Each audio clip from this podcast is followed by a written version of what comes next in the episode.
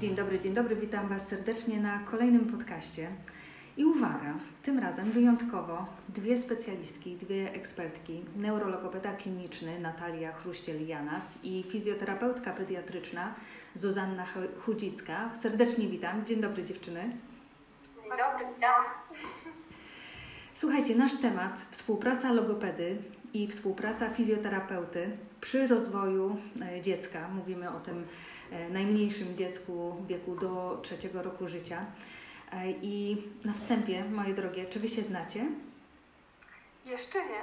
Nie, ale już się poznajemy właśnie w tej chwili. To poznajcie się, no właśnie. A czy współpracujecie z innymi ekspertami w w Waszej dziedzinie, czyli Zuzia, czy współpracujesz z neurologopedą, albo Natalia, czy współpracujesz z fizjoterapeutką pediatryczną? No wydaje mi się, że tego trochę u nas w kraju brakuje, tej współpracy, ale po to, po to robimy to, co robimy dzisiaj, żeby, żeby nawiązać tę nić porozumienia, żeby się poznać, żeby się sobie przedstawić i żeby opowiedzieć sobie trochę o tym, jak nasze zawody się zazębiają. Jak myślisz, Natalia?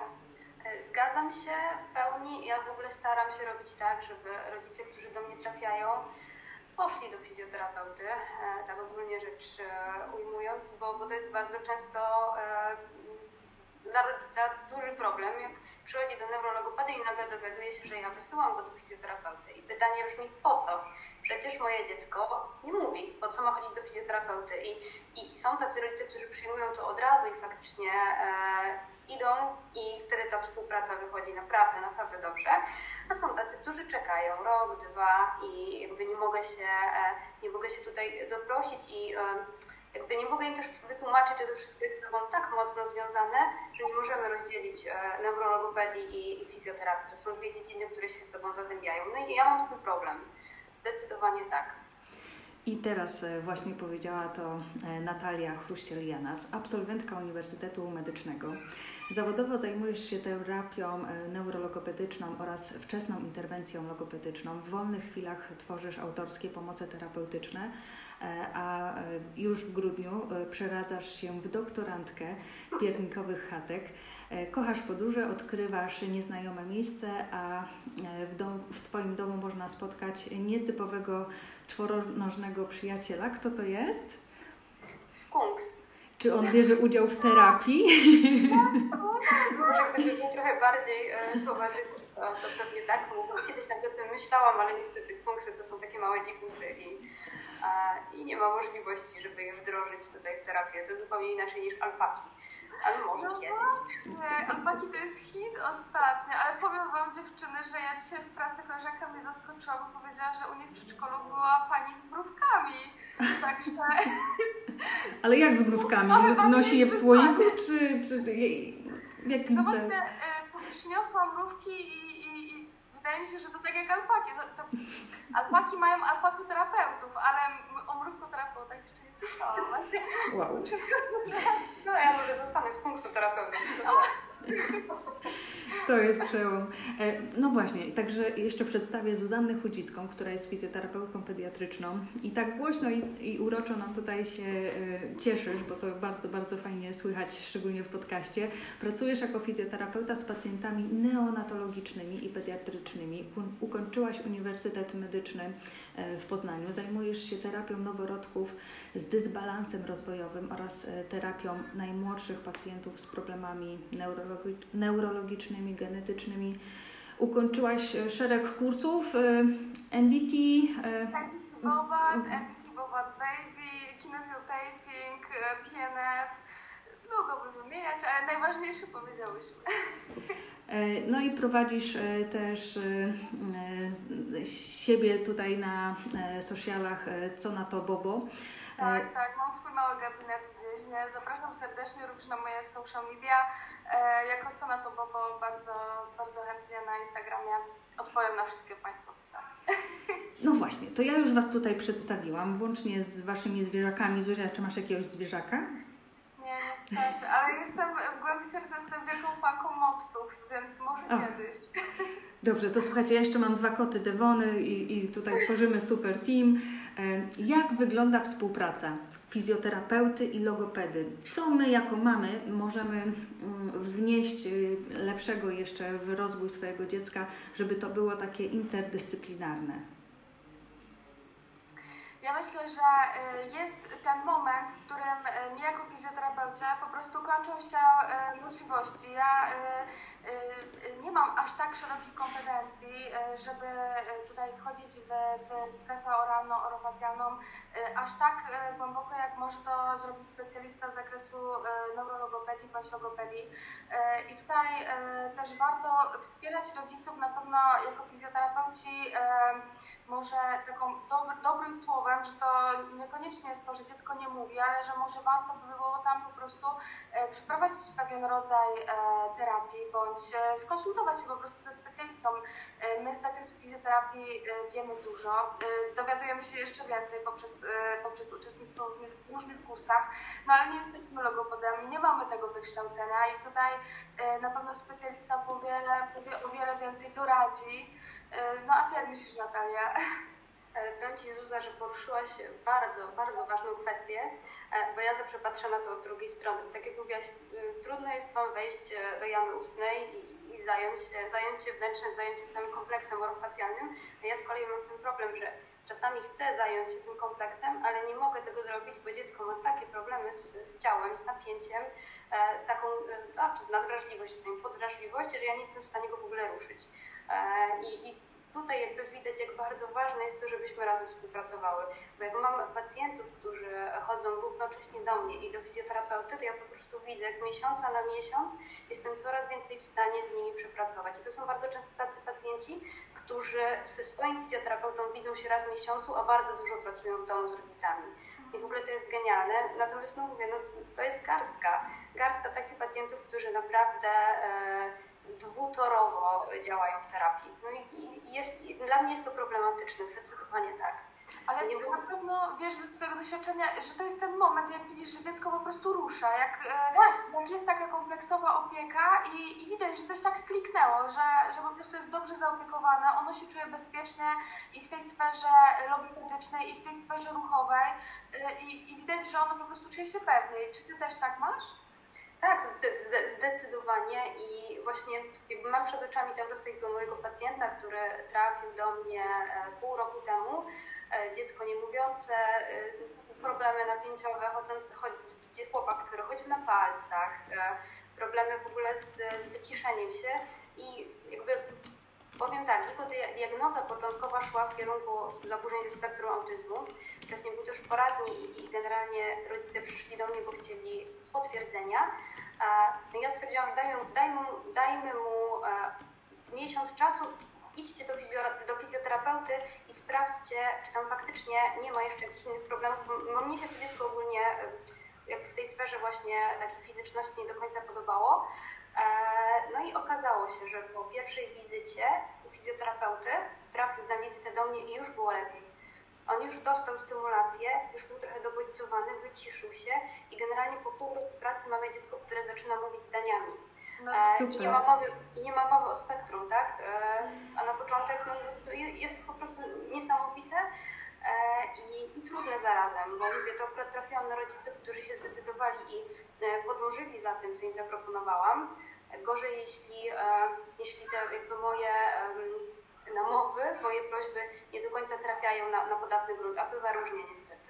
Ja słyszę, że w tle e, tutaj e, jesteś jeszcze Natalia w gabinecie, że w tle tak, słychać dzieciaczki. Słuchajcie, no właśnie, skupmy się, spróbujcie wymienić nam jako rodzicom, Jakie takie trudności rozwojowe e, wpływają e, na terapię dziecka, gdzie powinniśmy e, jednocześnie włączyć czy logopedę, czy fizjoterapeutę do opieki? Bo Natalia wymieniłaś nadwrażliwość, takie zbytne, zbytnie wyciszenie się, brak mowy wymieniłaś Zuzia. Spróbujcie wymienić te informacje, które warto, żeby zapadły rodzicom E, w pamięci i w razie czego, żeby poprosili o konsultację u, u dwóch e, specjalistów naraz. Ja myślę, że na pewno e, hipotonia, taka uogólniona, czyli osłabione napięcie które... Mhm. e, I teraz jak rozpoznać, że nasze dziecko prezentuje właśnie taki obraz, czyli no na pewno jest takie zwieszone. Mm, Można powiedzieć, że w wieku takim noworodkowym trochę mniej chętne do pracy, jest raczej takim, e, takim kochanym maluszkiem, który za, za, za dużo się nie... Maluszkiem, maluszkiem, świetnie to powiedzieli. On tak, takie grzeczne dziecko w naszym kraju, jak to mówią, nie? Wiecie, ładnie ubierzemy, e, jest czyste, zadbane, damy jedną zabawkę, no to się na pewno będzie bardzo długo bawić, bo takie powolne maruchy, tak e, bardzo mozolnie mu to idzie trudno, więc, e, więc to wydaje mi się, że to jest, e, to jest ta, taki nasz pacjent numer jeden, który świetnie by poszedł w, takiej, e, w takim zespole interdyscyplinarnym, bo wydaje mi się, że tak można by nas nazwać. Mhm. Pewnie, ja się z tym zgadzam w 100%, bo mogę powiedzieć, że 90% pacjentów, maluchów, które do mnie trafiają, to są właśnie takie zwieszone dzieci, u których nie widać barków. Czasami nie wiadomo w ogóle, czy na ciebie patrzą, bo, bo, bo głowa jest po prostu zwieszona praktycznie do, do samej ziemi. No ja nie jestem fizjoterapeutą, natomiast jak już widzę takie dziecko, to zapala mi się czerwona lampka i proszę o konsultację. Ale co bardzo ciekawe, ja często słyszę od rodziców, my chodziliśmy do fizjoterapeuty, jak był mały, na przykład zaraz po urodzeniu.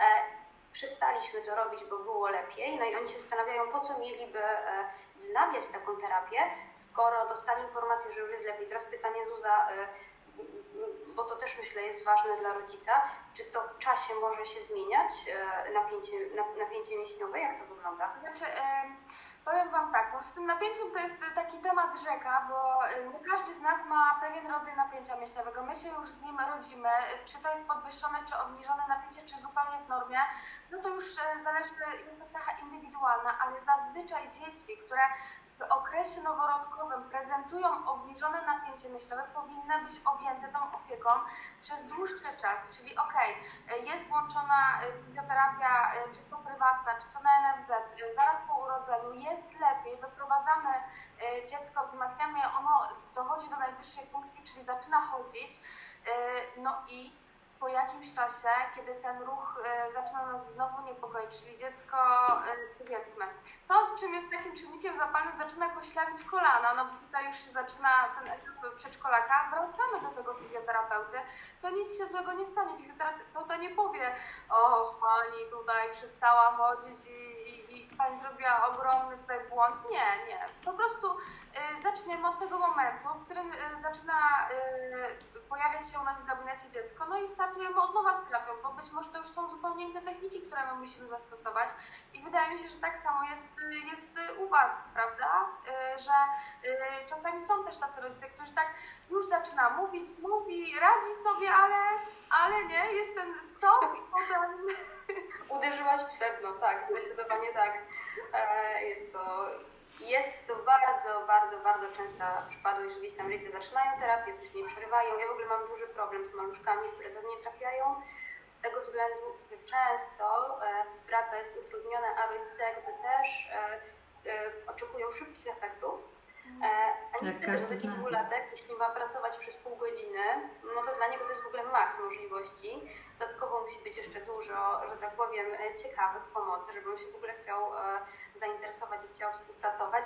A nie ukrywam, że jeśli mam dziecko, które faktycznie wcześniej nie uczęszczało nigdy do żadnego terapeuty, to nim on w ogóle wejdzie w jakąś relację ze mną, nim bardzo często nie zejdzie z kolan rodzica, to jest to czas, który, który trwa niesamowicie długo i rodzice często na tym etapie rezygnują, mówią Pani Natalio, my wrócimy za pół roku, bo on tak w domu nie chce ćwiczyć, z Panią tutaj ćwiczy nie, nie, nie za bardzo, tak, bo, e, bo, bo się trochę boi, bo się trochę wstydzi, bo pewne, pewne zabawy do niego nie przemawiają, bo pojawia się bunt dwulatka i faktycznie jest tak jak mówisz, że oni wracają po jakimś czasie, po pół roku, e, przed trzecim rokiem życia Często jest tak, że musimy e, dużo rzeczy zaczynać od nowa, e, bo niestety e, nie wszystkie dzieci radzą sobie same bez odpowiedniej stymulacji, a nie wszyscy rodzice mają też czas, żeby w domu prowadzić stymulację i nie wszyscy rodzice też potrafią to robić. No niestety nie są, nie są, nie są terapeutami, nie są specjalistami, więc jest to dużą trudnością.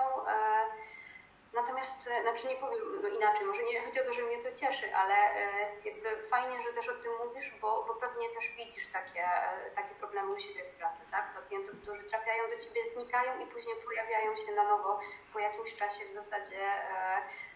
No, takim to jest czasami taki czas stracony. Ja tak no to ja mam taką propozycję, moje drogie. Słuchajcie, teraz mamy taką czarodziejską różdżkę I e, odpowiedzcie proszę na to pytanie, co Wy byście zrobiły, żeby tej terapii nie przerywać e, ze swoimi pacjentami, żeby Natalia miała na podorędziu świetnego fizjoterapeuty pediatrycznego, żeby Zuzia miała na podorędziu świetnego również terapeutę z zakresu neurologopedii klinicznej E, jakie zadania byście e, dały tej drugiej osobie, żeby ta e, wasza terapia szła dobrze? Skonfrontujmy ja myślę, że zaczęłabym przede wszystkim od czasu. Dziecko potrzebuje czasu i na początek jest, jest to też czasami śmieszne, tak jak zaczynam ćwiczenia od nie wiem, mas plastycznych, od przekładania fasoli i ryżu, od masowania stóp bo bardzo często jest tak, że żeby w ogóle dostać się do, do jamy ustnej, zaczynam leciutko od, od odwrażliwiania stóp, gdzieś tam przez nogi, przez ręce i dopiero później dziecko pozwala mi e, trafić do swojej jamy ustnej. A to są takie zadania, które właśnie mógłby robić też fizjoterapeuta? E, jeszcze raz, to chyba nie dosłyszałam pytania, przepraszam. Czy, czy to są takie zadania, które właśnie mogłyby być też wykonywane u fizjoterapeuty jednocześnie? Myślę, że tak, jest na, jest na pewno dużo, zapewnie e, dokładniej opowie, ale jest sporo takich stymulacji, e, które mogą pozwolić właśnie na, e, na odwrażliwianie, na, odwrażliwianie i na to, żeby dziecko się otworzyło na nowe bodźce i pozwoliło zacząć w ogóle pracę w jamie ustnej, bo często wejście do jamy ustnej, szczególnie u tych dzieci, które, które mają skrócone wędzidła języka, jest strasznie trudne, bo one mają tam bardzo mało bodźców, szczególnie na dnie jamy ustnej. Tam praktycznie bodźce nie docierają e, i trafienie e, w miejsce, które w ogóle one sobie pozwolą postymulować jest, e, jest czasami graniczące, graniczące z cudem. I to bardzo często widać u dzieci, które nie pozwalają na mycie zębów, Mhm. Bardzo mało przyjmują pokarmów, które dostarczają im odpowiednich bodźców, czyli bardzo mało gryzą.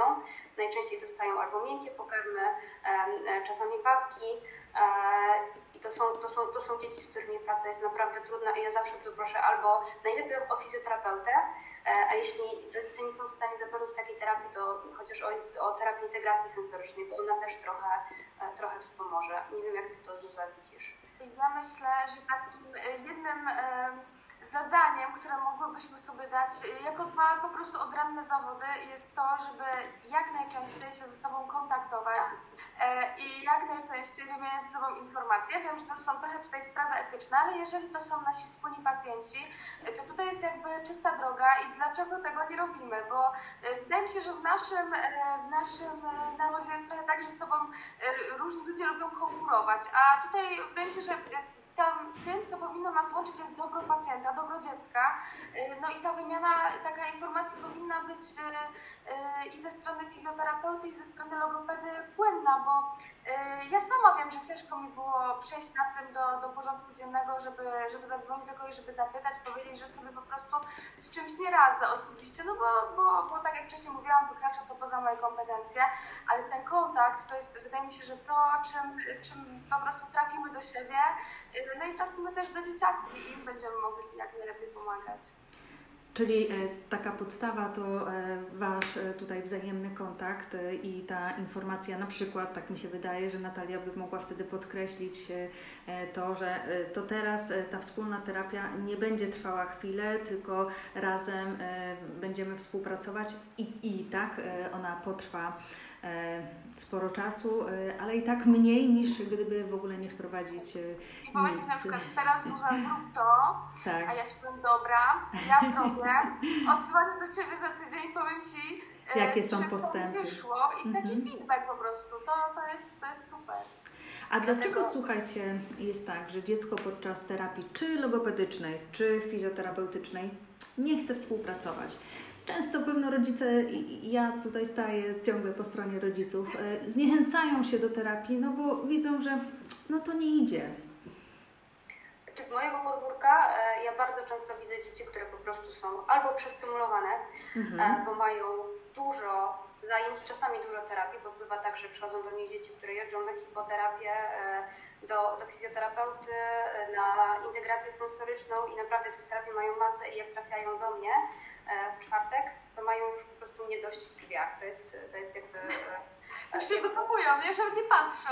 To jest jakby pierwszy, pierwszy taki temat, który, który powoduje, że, że no, to dziecko też potrzebuje się wyregulować, potrzebuje e, takiego czasu dla siebie, no musi też być, być dzieckiem. To jest, to jest na pewno e, jedna, e, jedna z przyczyn. E, kolejną taką przyczyną jest, tak jak właśnie to mówiłam, nieumiejętność samoregulacji, bo my, starsi ludzie, potrafimy już wiemy mniej więcej, tak, jak, jak się wyregulować, jak, jak się wyciszyć, Natomiast taki dwulatek no nie, ma jeszcze, nie ma jeszcze takiej możliwości, nie ma jeszcze pojęcia o tym, w jaki sposób, w jaki sposób by zapewnić sobie spokój i wyciszenie. E, I dlatego tutaj ja mówię często rodzicom polecam współpracę z fizjoterapeutą, który, który poda też takie, bo są, są, są ćwiczenia, są, są odpowiednie stymulacje, które mogą zapewnić dziecku bodźce, e, którego troszeczkę w sobie, że tak powiem, bo są takie dzieci, to wiem z własnego doświadczenia, które wystarczy mocniej docisnąć i one się wyciszają. Nie? I, czasami taka, taka, taka terapia jakby przynosi, e, taka stymulacja przynosi dobre efekty, e, ale mówię, zanim w ogóle się to wydarzy, e, to ja mówię, dałabym tym dzieciom troszkę więcej mimo wszystko e, przestrzeni i takiej możliwości e, do zabawy, dlatego też zazwyczaj terapię z takimi maluchami zaczynam od zabawy. E, I to śmiesznie czasami wygląda, bo rodzice mówią, a pani to się z nim tylko tak bawi, nie? No tak, ale to niestety na samym początku bardzo często, bardzo często tak jest, my musimy zdobyć zaufanie e, tego małego pacjenta, tym bardziej, że ja mam też sporo takich pacjentów, którzy mają za sobą e, przeszłość, że tak powiem, szpitalną, medyczną, sporo wcześniaków i oni jakby już od, od samego momentu, kiedy widzą osobę, która gdzieś tam, e, ja noszę, noszę, noszę fartuchy medyczne, co prawda, że tak powiem, e, zwierzaczki e, różne tam kolorowe, tak, kolorowe te fartuchy są, natomiast mimo wszystko jak dziecko widzi taką osobę, która gdzieś tam ma prowadzić kolejną stymulację, kolejną terapię, to często się wycofuje na początku. Więc tu, tutaj przydałoby się podnieść też zdobyć takie techniki, e, które pozwolą się wyciszyć i dać, mówię, trochę przestrzeni temu dziecku, żeby, żeby jakby samo dojrzało do, do tej terapii. Czyli też apelujemy do rodziców, żeby y, trochę nie y, przesadzali z tym przebodźcowaniem swoich dzieci. A do fartucha polecam, żebyś zapakowała swojego zwierzaka. Z kieszeni taki wystający to też spowoduje tutaj, wiesz, szał. A Zuzia, u Ciebie, przepraszam, bo przerwałam, jak to jest, ja że... powiem Ci, mhm. że też właśnie, też mam, też mam takie czasami komentarze ze strony rodziców, a pani to tak lula te dzieci, tak, tak tuli, tak, no to takie proste się wydaje i, e, no i one się tak wyciszają, bo często właśnie wcześniaki mają e, ten bardzo, bardzo ważny problem samoregulacji, o którym powiedziałaś. One mają trudności z tym ogromne.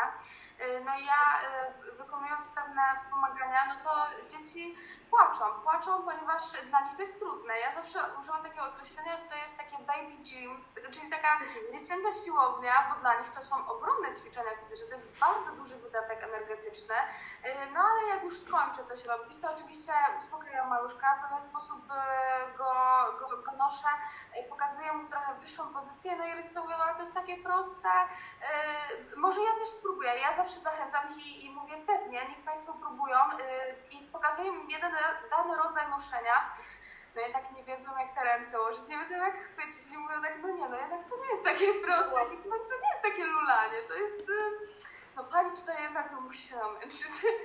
No, no wiecie Państwo, ja się już tego uczyłam, ja już miałam w rękach dużo dzieci, e, ale Państwo zachęcam do próbowania i ćwiczę z nimi tą pozycję i za którymś razem mi wychodzi, mówią, ale się zmęczyłam, to już teraz, jak są na przykład obydwaj to teraz ty tata podnoś, teraz mama już teraz patrzy, więc e, ja na pewno się cieszę, jak przychodzi dwójka rodziców, bo oni zawsze będą mają taką pełną między sobą.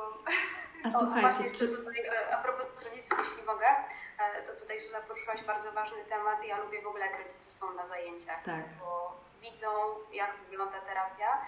E, mam, powiem tak, bo mam, mam, mam bardzo fajną możliwość w środku rehabilitacyjnym, w którym pracuję, właśnie kontaktu z, no, z różnymi specjalistami, bo mamy i tyflopedagoga, mamy rehabilitantów, więc to jest fajne, ale tam nie ma rodziców, szczególnie teraz, kiedy jest COVID.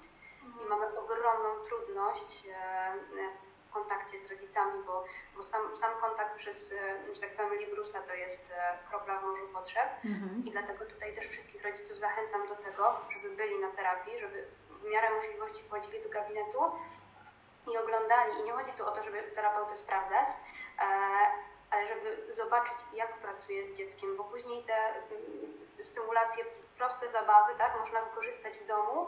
E, mało tego, no i wtedy mam też taki komfort, że nie muszę później rodzicowi powtarzać, wie pan, bo trzeba poćwiczyć prawidłową pozycję spoczynkową języka i później na korytarzu 15 minut tłumaczę, jak ta pozycja spoczynkowa powinna wyglądać. Więc na, na zajęciach to po prostu to widzi. No właśnie, a słuchajcie, czy macie, czy macie jakieś takie sposoby e, na to, żeby e, jednak e, no, dziecko nie nudziło się pod czas terapii.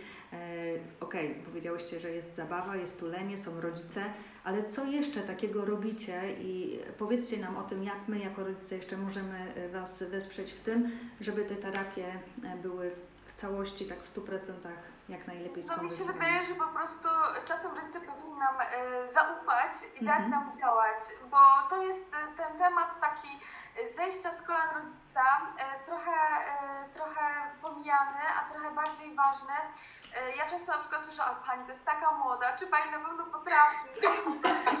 tak? tak, dziękuję, dziękuję.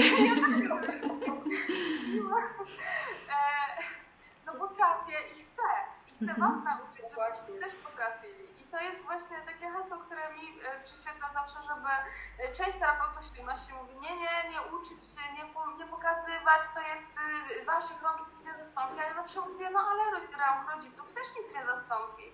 A szczególnie u dzieci spektrum, szczególnie u dzieci, wcześniaków, bo, bo ręce rodzica to są ręce, które oni znają od początku, które dzieci po prostu, do których są przyzwyczajone i, i czasem nasze ręce muszą poprowadzić ręce rodziców, ale też czasem nasze ręce muszą same poprowadzić tą terapię, więc tutaj dla rodziców taka ważna rada, żeby nam trochę zaufali, bo my się naprawdę wiemy, co robimy i chcemy na pewno tylko i wyłącznie pomóc.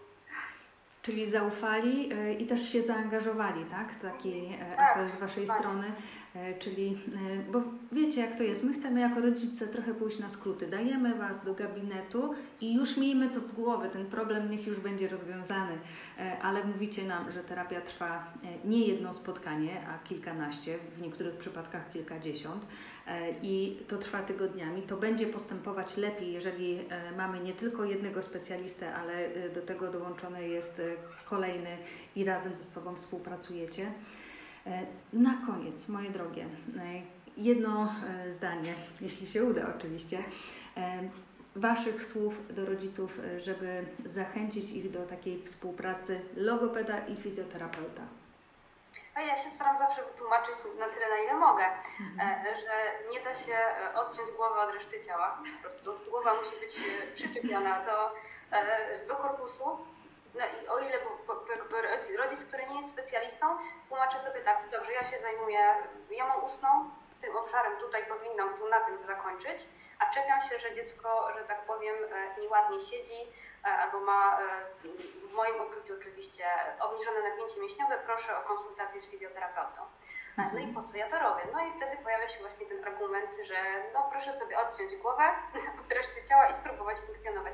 Zarówno korpus wtedy nie będzie prawidłowo funkcjonował, głowa sama też wiele, że tak powiem, e, zdziałać nie będzie w stanie. Także myślę, że to jest takie e, dość obrazowe e, i rodzice wtedy zaczynają myśleć o tym, że może faktycznie te dwie rzeczy trzeba połączyć.